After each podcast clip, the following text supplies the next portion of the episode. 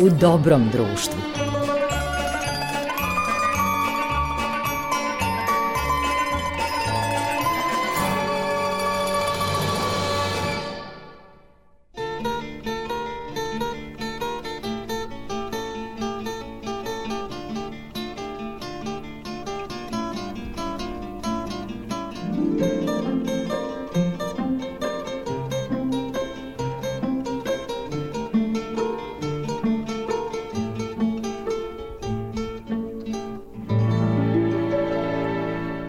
Poštovani slušaoci, dobrodošli u novo izdanje emisije U dobrom društvu. Pred mikrofonom je Goran Vukčević, a ovu emisiju tonski uobličava Marica Jung. I naravno, ovoga puta imamo gosta, u stvari imamo jednu izuzetno lepu gošću, jednu mladu rediteljku, rodom iz Pančeva, Branku Bešević-Gajić. Branka je već svojim prvencem zapažena kao filmski autor, jer je autorka filma Lauš i uspela je po prvi put da ubedi Žarka Lauševića da o zločinu koji je počinio i o sobstvenom stradanju otvori dušu upravo pred filmskom kamerom iza koje je stajala Branka Bešević-Gajić, naša današnja gošća.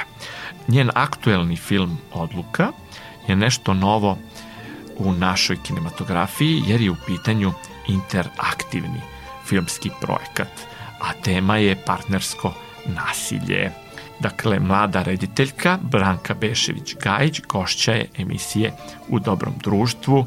Slušajte i uživajte.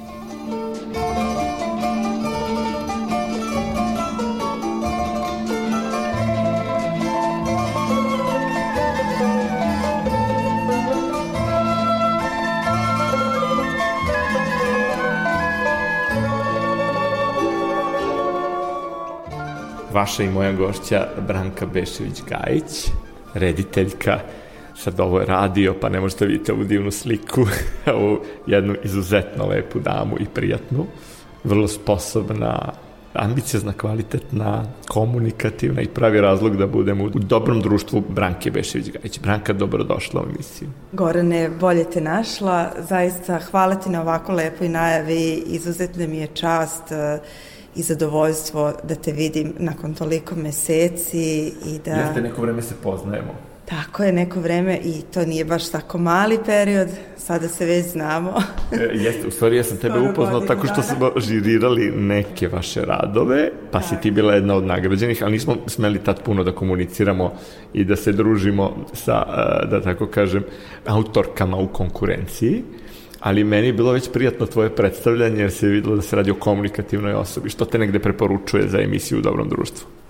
Tako je, tako je, da nismo se tada poznavali, zapravo nismo smeli da se družimo dok ne prođe žiriranje i to mi je posebno čast i zadovoljstvo zapravo što što su nagrade pre svega poštene i sve u životu što sam, da kažem, osvojila, to je bilo pošteno. Tako da mi je to drago da se eto prepoznalo. Uh, ali mi je drago što smo se nakon toga upoznali i posle toga smo se isprijateljili i družili i prosto nekako ljudi iz branše, srodne duše, sličnog senzibiliteta, pa to, to je bogatstvo pravo imati takve prijatelje i prosto to je, to je blagodat velika u životu kada, kada vas put eh, navodi uh, kada vam se prosto ukrštaju putevi sa vama Jeste i bliskim neki, i dragim neki ljudima. Opus I moj opus već decenijama, negde tu, su i, tu smo negde i na duhovnom putu. Tako je, o tome, to je posebna priča. I to priča. onda, što se kaže, sliča se sličnom raduje. Tako je. Branka, jel ti kažu ljudi kako si postala rediteljka, kad tako lepo izgledaš, trebalo je da bude glumica, da budeš glumica, to je obično kliše kod nas. Da, da, da, da, apsolutno, ja ne znam kako bih to nazvala, ja bih to nazvala predrasudom, da. To je uvek bilo prosto od od mog prvog filma, ono, trudim se da izbegavam da spominjem prvi film, pošto me to nekako uvek sam u nekoj senci Lauša, I počet ću od Lauša, samo da.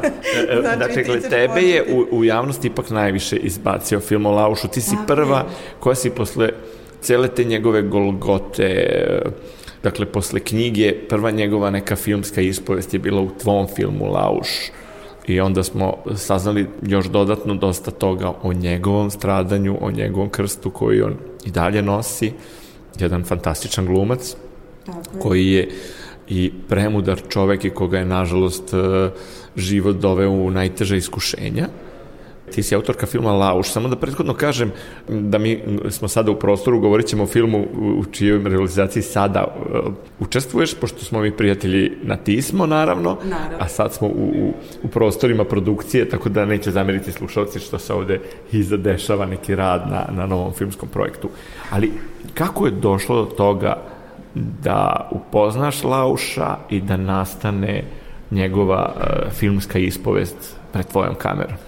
Ja sam Lauša upoznala tek uh, nakon, uh, nakon mojih radova na filmu zapravo.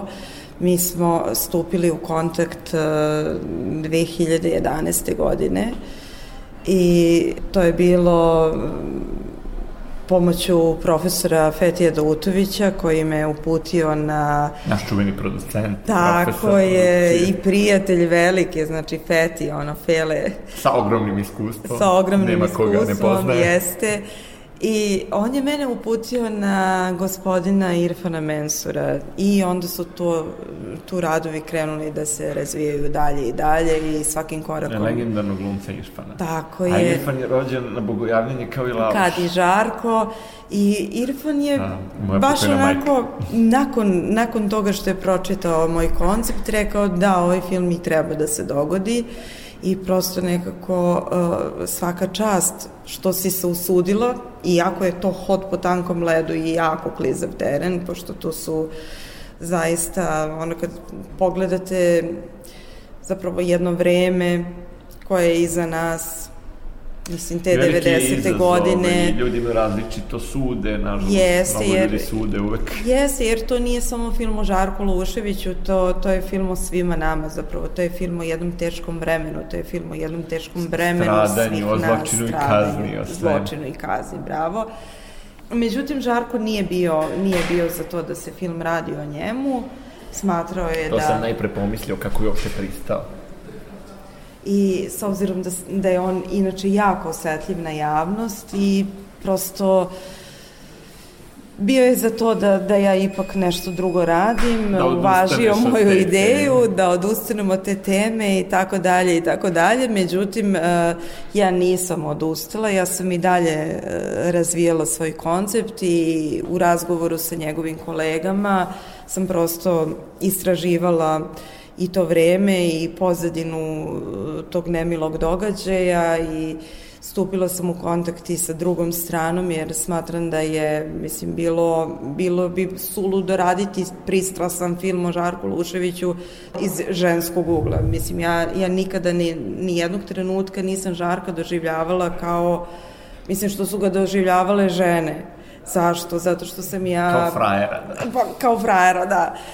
Ne kažem, ne kažem da nije frajer, daleko od toga, Žarko jako dobro izgleda i za svoje godine i sve, ali... Mislim, Jeste, ogromna harizma. A, ogromna harizma, ali ja sam Žarka Lauševića zapravo um, gledala kao, kao oca, kao nekoga, s obzirom da sam ja 82. godište, mislim, to je, da kažem, veliki Ja sam odrasla na njegovim filmovima, zapravo to je, to je čovek koji je uticao na mene da, da izaberem ovaj put, da upišem akademiju, da završim akademiju. Mislim, čovek e, kome sam se ja divila i gledala sa tog, mislim, Jeste, preko tog malog... Jeste, ti snovi se o, o, o, ostvaraju, Tako ti je. to privučeš ono što si želela, ja znam da snovi se ostvaruju, ja sam želela sve glumce da upoznam iz Nevena, bar jednog, u stvari, ja upoznao sam na kraju sve, to, na početku svoje karijere. Čuvenog Nevena uz koji sam odrastao, koji me negde opredelio iznutra za stvaralaštvo ovo koje, koje stvara. Jeste, jeste i posebno bih istakla film Oficir sa ružom, gde sam ja prosto sa svojih sedam godina gledala i prosto nisam ni znala šta je to gluma, šta tu ljudi rade i tako to. Mislim, moj brat je tada bio na Vojnoj akademiji u Zagrebu i prosto roditelji moji su mislili kao garant kao to zbog uniforme, verovatno hoće da divi se poslu ili prepoznaje, mislim, ono kad mi odemo u Zagreb, recimo, pa gledamo... Gde si videla koja je to zgrada? Ja sam video koja je spolja, a koja je iznutra, u stvari. Da, da, Ove jesam. dve različite, u kojoj je taj jest, stan. Jest, jest. Gospodđe Ivančić. Tako je, tako A posle sam se sprijateljio i danas smo manje u kontaktu, ali smo se intenzivno družili, Dragana Markić. Jest. Koja igra Ljiljanu. Jeste. Jeste taj film negde obeležio i moju mladost. Pa jeste. I, i posle toga ja sam zaista bila istrena u tome i želela sam da, da to bude recimo da to bude, mislim, da vidim ja šta oni tu rade, šta je to dramska sekcija, šta treba čoveku da postane glumac. Nekako e, svaku njegovu ulogu sam e, doživljavala na poseban način. Ja sam se bukvalno divila, znači, tom čoveku kao glumcu, kao, mislim, umetniku, kao nekome koje je mislim, zadužio kompletnu jugoslovensku kinematografiju, jer Žarko je zapravo jedan, jedan od najboljih jugoslovenskih glumaca, prosto nekako tada je bila zemlja koja je bila, mislim, jedna razvijena zemlja, jedna zemlja koja je bila veoma uspešna u sportu, umetnosti, u u kulturi, Jeste, tu se negde smenila i epoha, uh, taj kraj 80-ih e, i početak 90-ih, to je donalo ogromne promene. Tako je, i s obzirom da sam rasla sa tim, živjela u, u tom nekom vremenu i prosto da sam osetila i kao dete raspad te zemlje koju sam jako voljela, nekako me uvek se nekako vuklo ka tom nekom sistemu vrednosti, tada se nešto drugačije bilo nego sada i jako mi je žao što, što ove generacije prosto, eto,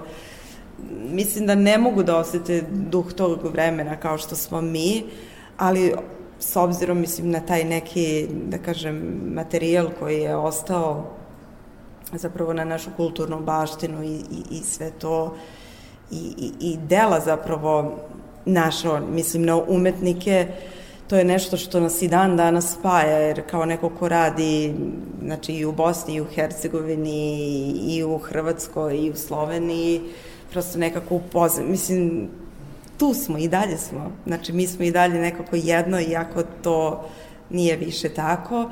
Nažalost, ali da se vratimo ovaj, na, e da, na ali suštinu. Ali nastavit ćemo posle muzičke pauze. Ok. E, upamti šta si htela, zato što hoću sad da malo ćemo da obavimo ovu pauzu zvucima e, violončela i, i muzikom iz filma Dejana Šoraka, Oficir suža. Bravo.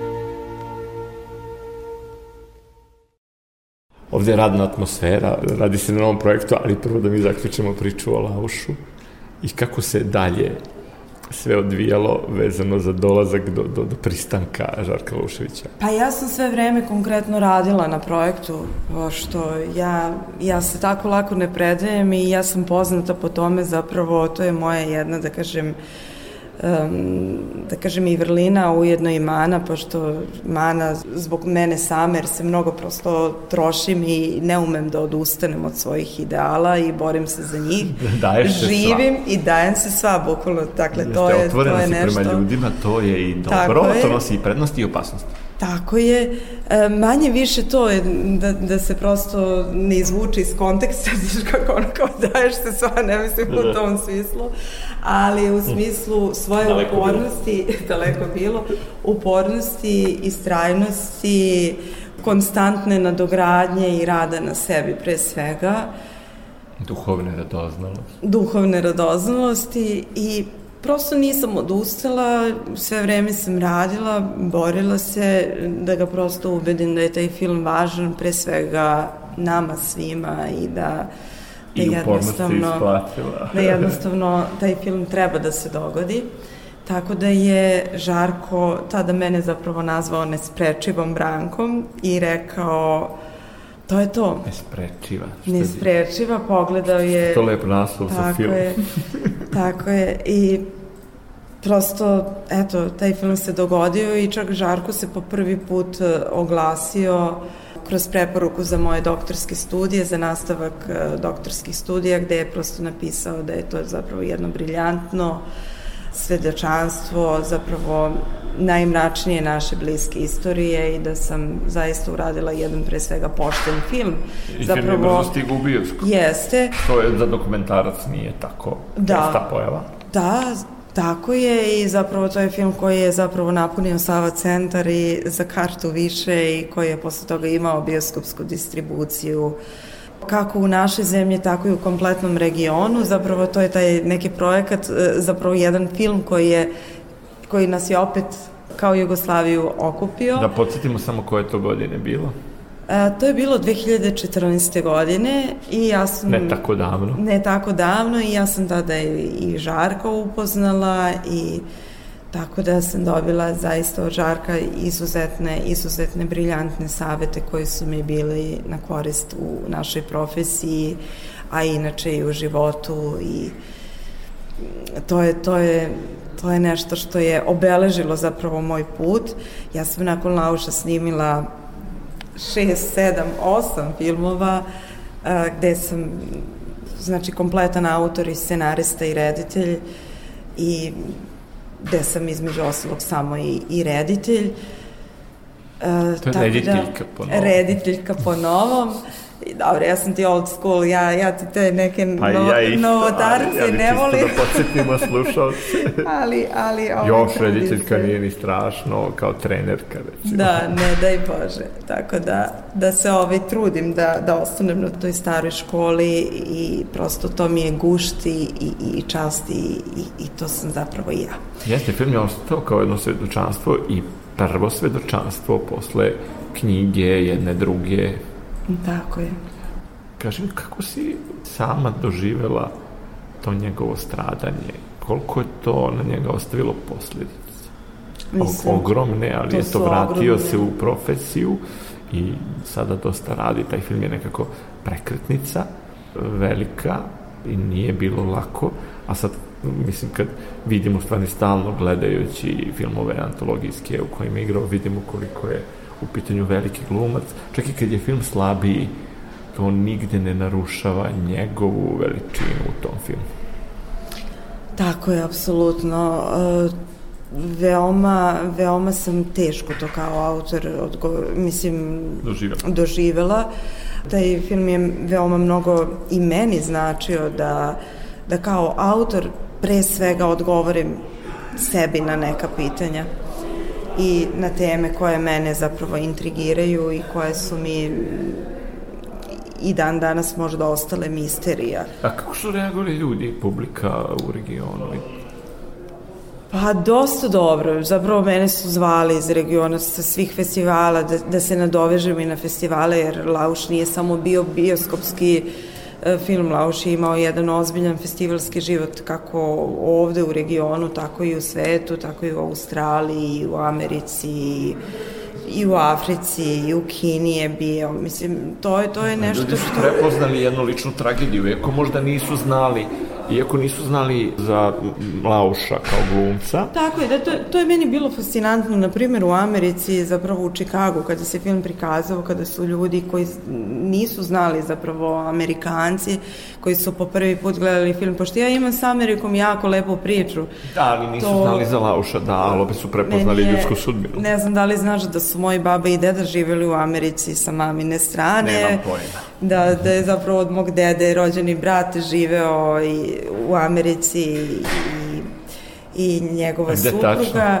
u Pasadeni, u LA-u i u Čikagu, mislim, to je, to je bilo nešto, znači tu su se, znači, selili, pa tamo... Iz Čikaga moji, što bi rekao Jeste, iz Čikaga moji i posle toga Evo, sa, sada ih trenutno ima u Los Angelesu, zapravo to je moj ujak uh, Tom i zapravo moja tetka Sonja. Uh, baka Manda je preminula, oni su sahranjeni tamo, mislim, baka, deda. I išla si više puta do Čikaga? Pa, Chicago manje više, ali LA je zapravo moja, moj san neostvareni, ono, pa što sam želela, imala sam ambicije te da ono kao Hollywoodske. nešto hollywoodski, da nešto kao uradimo u Hollywoodu, ali međutim, prosto nekako moja zemlja me nekako ne da me. Ne, ne, ne, ne Moj da Beograd, e, prosto nisam, nisam nikada želela da napustim svoju zemlju, iako sam imala prilike Pa, potpuno te razumem. Mislim, brat mi je u Australiji rođeni, tako da... Tuđina uvijek tuđina. Jest.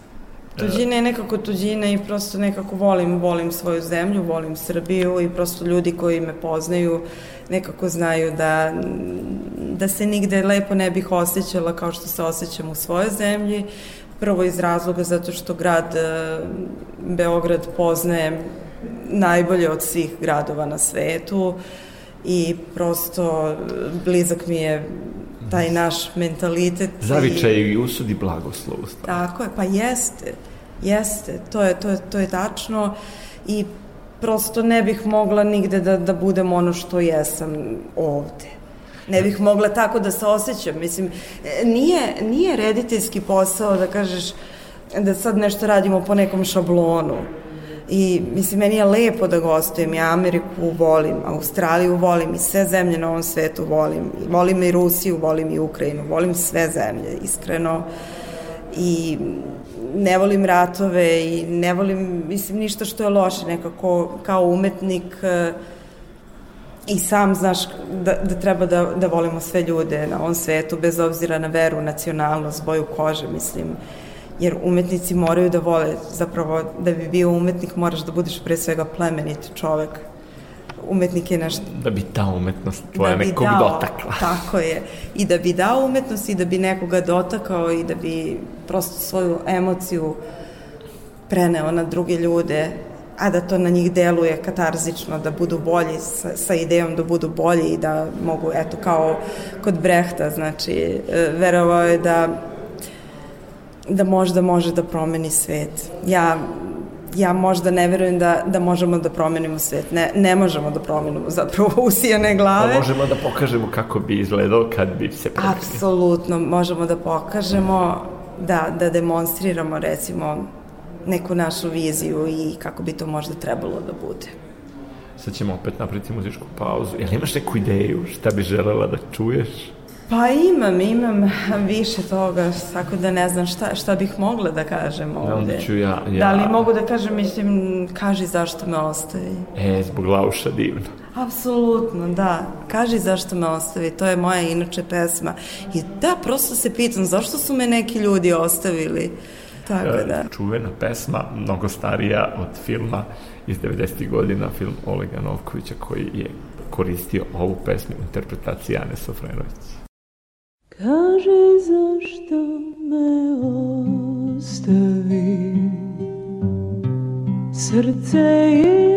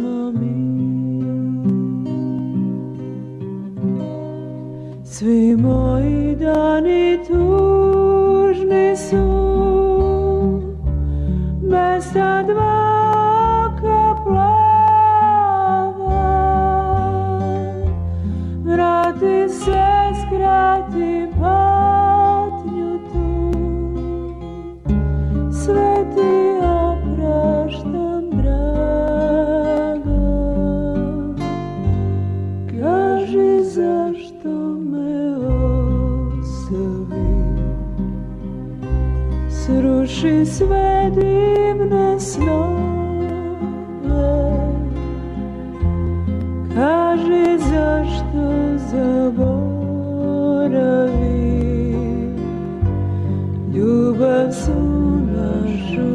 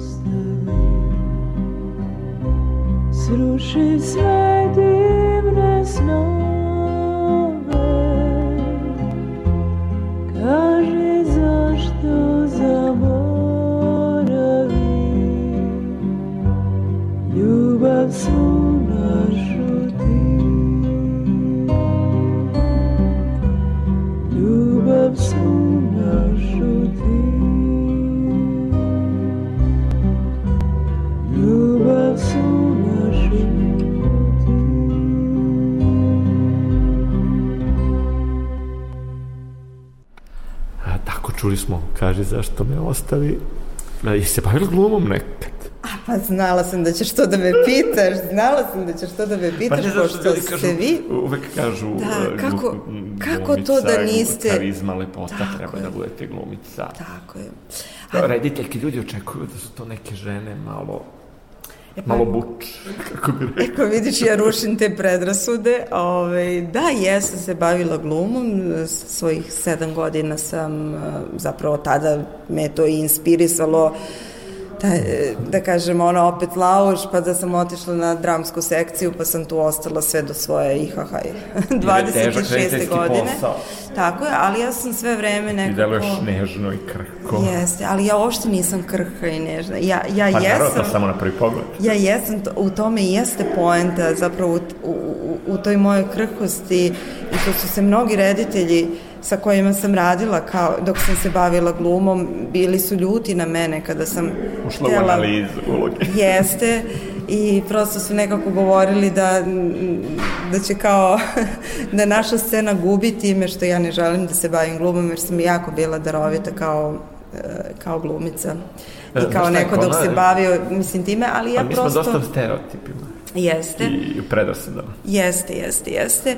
I prosto nekako Nebojša Glogovac je meni puno pomogao, ja sam rođena u Pančevu, Nebojša je živeo u Pančevu, on je iz Trebinja došao Ja u znam, poznao Pančevo sam dobro, ne bojiš. i to je, E, to, to je, dugo smo već bez njega. Da. dugo smo već bez njega i to me je isto jako, jako potreslo, inače Nebojša iz svešteničke porodice, poznamo. No, ali toliko velikih je otišlo. Jest, jest. A ovaj, ili ti pomogu, ne bojiš neki savjet? Apsolutno, Nebojša mi je pomogao puno, mislim tada kada smo se mi čuli, on je već bio u Beogradu, ali mislim dolazio je, dolazio je u Pančevo, pošto je on u Da. Pančevu odrastao Znam, ja sam sa njegovim ocem e, čak i e, sarađivao, snimali smo Bukvar pravoslavlja u njegovom hramu, nije on govorio, ali smo se tu upoznali onda sam se U pohvalio Glogiju da sam upoznao U njegovog Pančevu. oca. U Pančevu. Jeste, jeste. Da. Tamo gde je bio njegov otac. Sjajno, sjajno. E, to je crkva u kojoj sam ja često, često odlazila i volim, mislim, da kažem Pančevo, moj rodni kraj, mislim, grad u kome sam rođena. I Nebojša je uticao na mene da, da prosto prelazim u te više nivoe, jer prosto vi kao dete u 7 godina, kao šta sad rođena sam se, znam ono kao da će biti genije. Sa 7 godina, ne, naprotiv, ove, to su čisto radionice gde vi istražujete, gde se isključivo ne bavite samo glumom, nego radite i analizu scenarija i analizu, mislim, svašta nešto radite u okviru zapravo dramske umetnosti gde se prosto ljudi pronalaze, sutra će neko upisati dramaturgiju, neko će upisati produkciju, neko će upisati režiju, neko će upisati i jedno i drugo, mislim, neko će shvatiti da, da želi nešto drugo da bude, mislim, neko će otići na prava, mislim, nebitno, ali prosto Nebojša mi je pomogao da davao mi je inpute recimo usmeravao me je na primer atelje mladih u Pančevu to je bio pokojni Milenko Zablaćanski je vodio, imao svoju grupu, to je bila starija grupa. I onda uz rad sa Milenkom i naravno moj prvi dramski pedagog je bio Nažalost i Milenko nas je prerano Jeste, napustio. i Radovan Miljanić koji mi je bio prvi dramski pedagog, koji su zaista razumeli da, da prosto nekako me više interesuje rad iza scene. Mislim, meni gluma nije bila strana, meni nije bilo teško da uradim to, da, da igram svoje predstave, da putujem sa njima. Ja njih ni jednog trenutka nisam ostavila, jer ja sam profesionalac. Zapravo, to je neki moj Uh, ako se nečega prihvatim, nebitno šta to bilo, da li sam na projektu asistent, da li sam glavni reditelj, da li sam da li sam saksija sa cveće. Ali zahvalno, ja sam bio asistent i to baš Mislim- nije zahvalno, jer ne odlučuješ ni o čemu, a Jeste, moraš da ali trčiš. dobar trening, ali dobar a, trening. i, i učiš od najboljih. I učiš od najboljih. Tako da, posle toga sam prešla, naravno, gde bi drugo nego u Dado. On je emisija o meni, znaš ti kome sam ja sve asistirao da se hvalim tebi i slušalcima. Moje asistencije su bili Puriša Đorđević, Znam, znam. Dejan Mijač i Ljubiša Ristić. Sjajno, Svi različiti, a svi veliki. sjajno, sjajno. I, mi, i mislim da, z- da, ovo kažem zato što znam šta znači nije lako biti asistent negde u našim tim ekipama fokus, e, da tako kažem, pažnje i poslušanja je uvek na onome koje je veliko ime, dok asistenti moraju da se bore za svoj autoritet.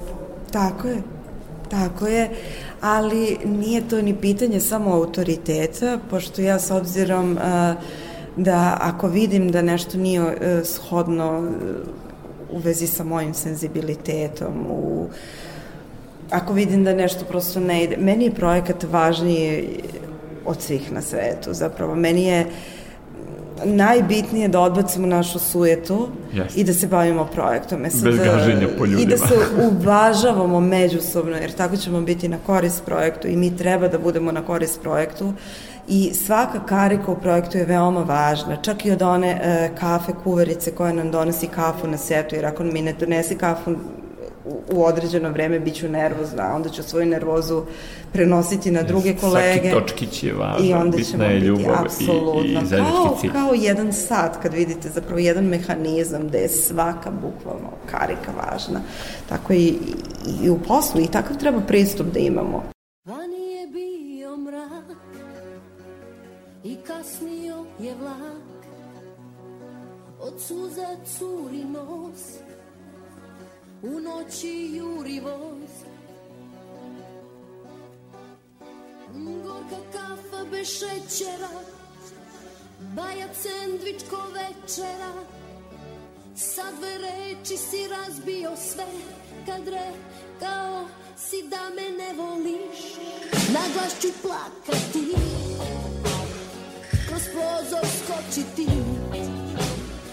Pred svim tim ljudima šta koga zanima. Prvo koji najde tu Držat ću u naruču svoj I sa sebe skinut ću sve.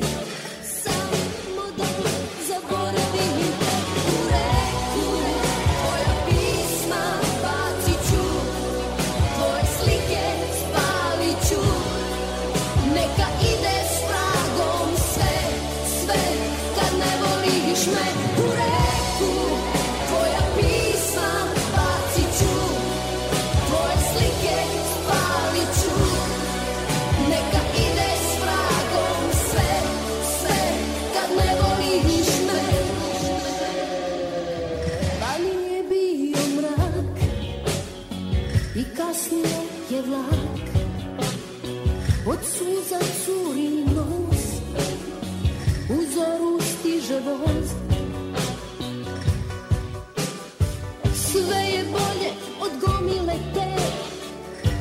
Bežim i zaboravljam sve. Sve te torbe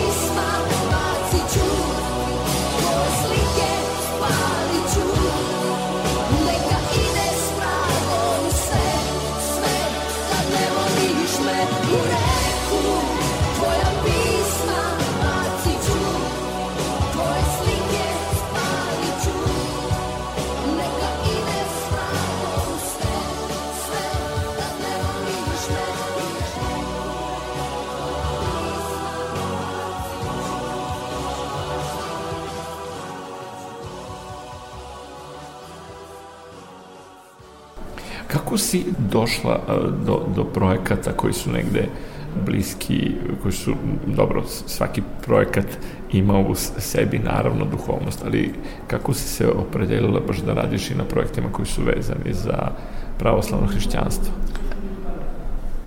Andrej Tarkovski je moj veliki uzor i zapravo njemu sam i posvetila doktorski umetnički projekat. Zapravo, ako sagledamo teoriju i interaktivnost mog filma, zapravo nastoje kao anticipacija Andreja Tarkovskog, zapravo njegovog pristupa.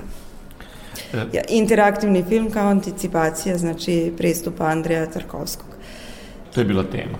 A, ne, tema je interaktivni film, zapravo filmska režija u digitalnom mediju, zapravo gde imate ono interaktivni film, gde imate ono kao četiri sata, znači ono, radite kratki film gde publika bira ishode, da li će ovo, da li će ono, a taj kratki film traje četiri sata, jer u zavisnosti on može da bira pa dokle god i to je zapravo kao odgovornost gde, gde prosto To je nešto što se naša publika tek susreće. tek tak- susreće zapravo hibridni film, zapravo gde, gde vi imate uh, žive slike, ali koji su daleko od video igre, jer ja se trudim i, i želim da film treba da, da bude u svom izvornom mediju, a da sve drugo nam koristi na korist uh, zapravo, jer kad posmatramo, kad gledamo recimo od Andreja Tarkovskog film neki, šta mi, šta mi imamo tu, uvek nam je nekako nedorečen narativ, uvek nas nekako vuče u to da sami razmišljamo. I kako smo stariji i drugačije da dajemo, doživljavamo. a, jeste, i kako smo stariji i drugačije da, da doživljavamo i da prosto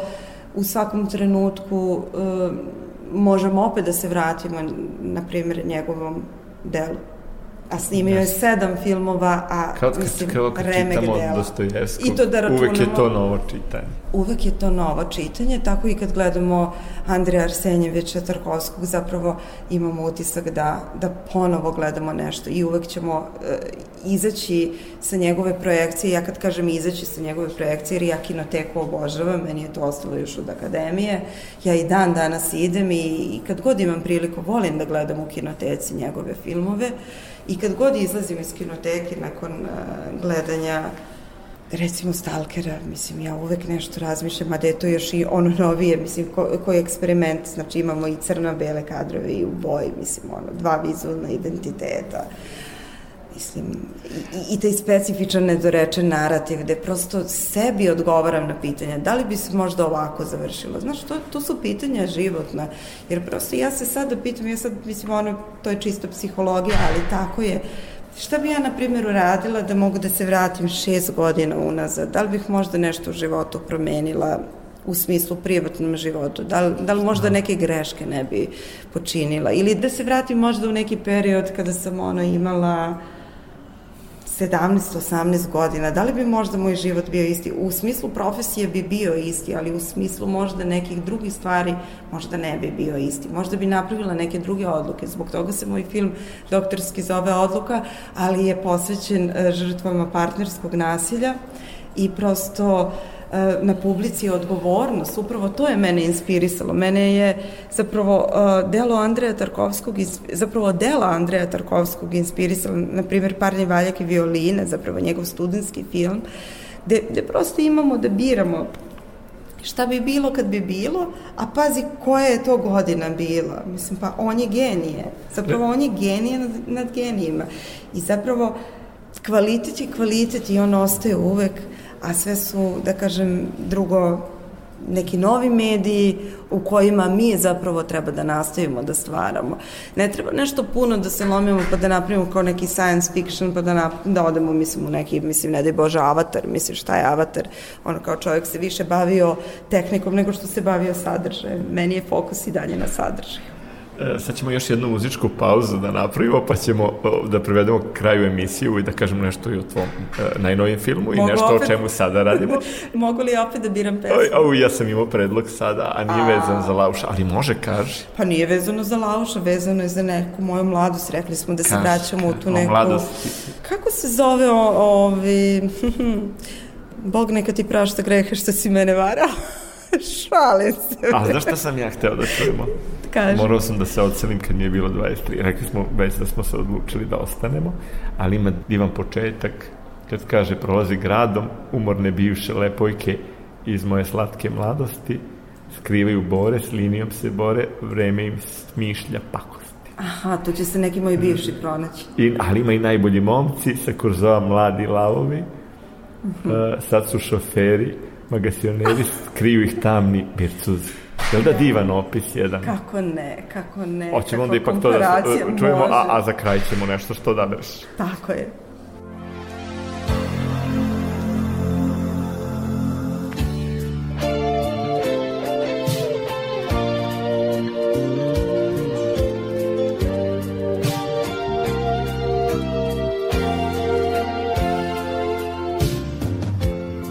Prolaze gradom.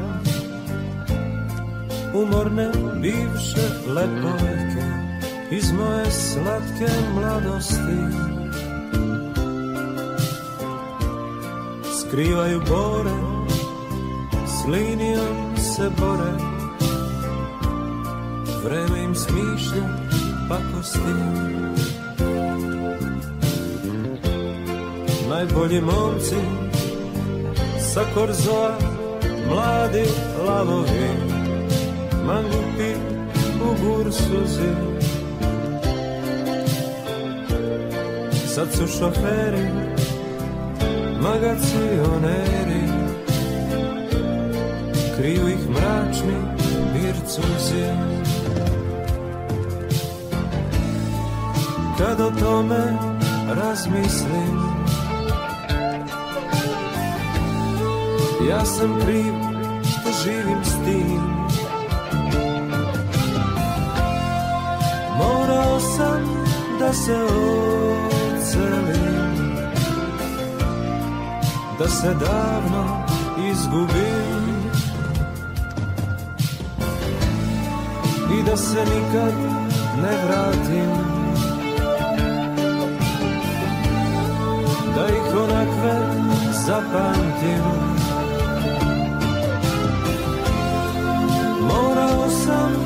da se ocelim kad mi je bilo 23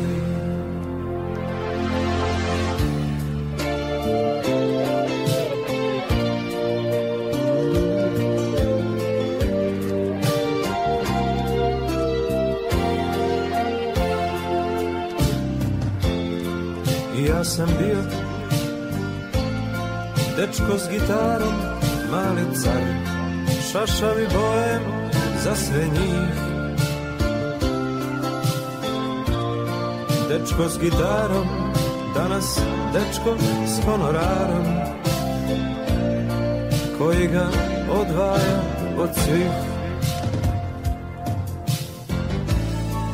I kad o tome razmislim Ja sam kriv što živim s tim. O, morao sam da se ocelim I da se davno izgubim.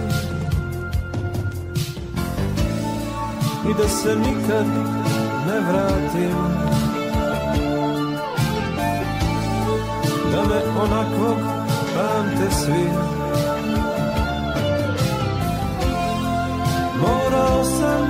da se ocelim Kad mi je bilo 23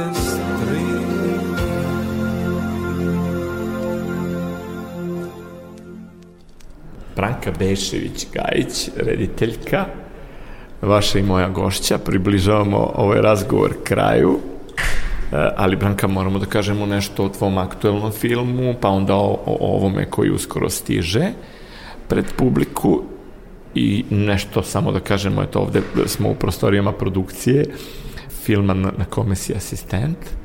Gde sam zapravo first idea, zapravo first assistant director. Da, imaš To vrlo je- odgovornu poziciju. Tako je, tako je. Da, prvo da kažemo odgovorna ovo gde smo se zapravo. našli sada u produkciji, samo par informacija Tako o ovome je. što sada nastaje ovde. Trenutno se nalazimo u Open Studiju.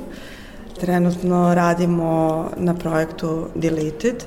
E, to je zapravo hibridni film, animirano igrani i više ne smem da otkrivam detalje. Trenutno, da. trenutno smo u preprodukciji, podržani smo od Filmskog centra Srbije i radimo sa trilateralom i to je to. To, to je to, naravno, nećemo dalje da otkrivamo. Zoran Krstić je glavni reditelj, a, glavni producent je Aleksandar Protić i naš, da kažem, glavni čovek za animaciju je Srđan Stojković je head a, of 3D i eto, tu smo, radimo i to je to.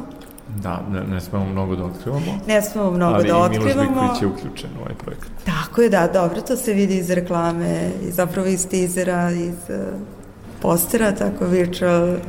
Da, da, vrlo lepo i da čekamo. Da kažemo nešto o tvom uh, aktualnom filmu, Odluka. Tako je. Odluka je zapravo od e, interaktivnog e, doktorskog umetničkog projekta, s obzirom da u, kod nas još uvek nisu bioskopske sale specijalno adaptirane, da imamo uslova da prikazujemo interaktivni film, ali smo zapravo izveli jedan spektakl tada kada smo u Kombak dvorani 15. juna imali divnu premijeru, zapravo javno izveđenje mog doktorskog umetničkog rada koji je zapravo bio u svojoj izvornoj verziji interaktivnoj gde je publika bila oduševljena. Šteta što to nemamo više te uslove i to vojstvo koje će raditi, ali to će se implementirati u nekom budućem vremenu. Sada je film u, zapravo u integralnoj, izvornoj, standardnoj, dugometražnoj verziji, ono kao bioskopski formati kako ide. Sada će, krenut će bioskopska distribucija, sada sam u pregovorima sa Kombak dvoranom, tako da se na tome radi. Trenutno isto imam angažman na Martovskom festivalu, ali s obzirom da je odluka igran i fo, mislim igrana kategorija ne može da bude prikazana jer Martovski festival 69. po redu je posvećen zapravo isključivo dokumentarnom filmu i kratkom igranom filmu, tako da odluka s obzirom da je dugi metar ne može tu da se uklopi i igrani metar ne ide. Tako da umetnički direktor Dejan Dabić je jednu, kako da kažem, divnu radionicu pokrenuo gde ću imati predavanje, gde sam predavač i gde ću jednostavno voditi radionicu interaktivnost na filmu, a ujedno ću imati i tribinu o partnerskom nasilju, kako film zapravo deluje i koliko film može da kao mediji pomogne zapravo. Divno, vidjet ćemo se na Martovskom pa, festivalu. Sjajno, pa ti ja. ja, imam isto tribinu vezanu za Slavuja Hadžića. O, bravo, I, jedan od dvojice sagovornika, da, sad sad ovo će ovaj, biti neposredno po premijeri ove emisije. Evo sad da... I još nešto da, da kažem, pošto mi kradeš to, minute. Se, ostalo je još jako malo. Dakle, imamo Milojev dar izlazi ove godine konačno napokon, tako da ću... Koliko si dugo radila na Pa od 2018. smo radili, ali računaj ono kao da mi je dve godine korona uzela život, ali i pomogla da shvatim neke stvari i odgovorim sebi na neka pitanja. Tako da to je to. Zapravo rekli smo sve što smo imali i najbitnije je da kažemo da je duhovnost mene inspirisala zapravo od velikog Tarkovskog, zapravo od, od njegovi, mislim, njegova dela su me inspirisala na, na, na, kako da kažem, na duhovnost, a ne neki... Ali si tako i prišla. Neki bogoslovi. da, da, ne da. daj Bože. Naravno, ni slučajno, znači, umetnost i duhovnost. Umetnost i duhovnost, bravo, svaka čast. I pri tome ostajem, to je moj čvrst stav. Eto, tako, e, mi dođo smo do kraja ove emisije. Branka, ja ti žene puno uspeha. Ostani tako čvrsta i lepa i, Takođe, i zdrava, hvala, naravno. Hvala ti. I još mnogo lepih projekata. Hvala ti puno. I Bože zdravlje i da sarađujemo. Nadam se. I uskoro se, e, Bože zdravlja, vidimo. Vaša i moja gošća u dobrom društvu bila je Branka Bešević-Kajić, rediteljka, mogu da kažem mlada, a već e, iskusna i dalje vrlo perspektivna i vrlo aktivna i sve više prisutna. E, hvala ti. Hvala tebi. Bilo mi je zaista prijatno i samo mi ostaje da odjavim emisiju koju tonski uobličava Marica Jung, kao i obično, a Goran Vukčević je bio vaš domaćin, urednik emisije U dobrom društvu i ponovo se čujemo već sledećeg petka. Do tada ovu emisiju možete slušati i u repriznom terminu u četvrtak od 16 časova, a i na odloženom slušanju e, na rtv.rs. Čujemo se, ostanite u dobrom društvu.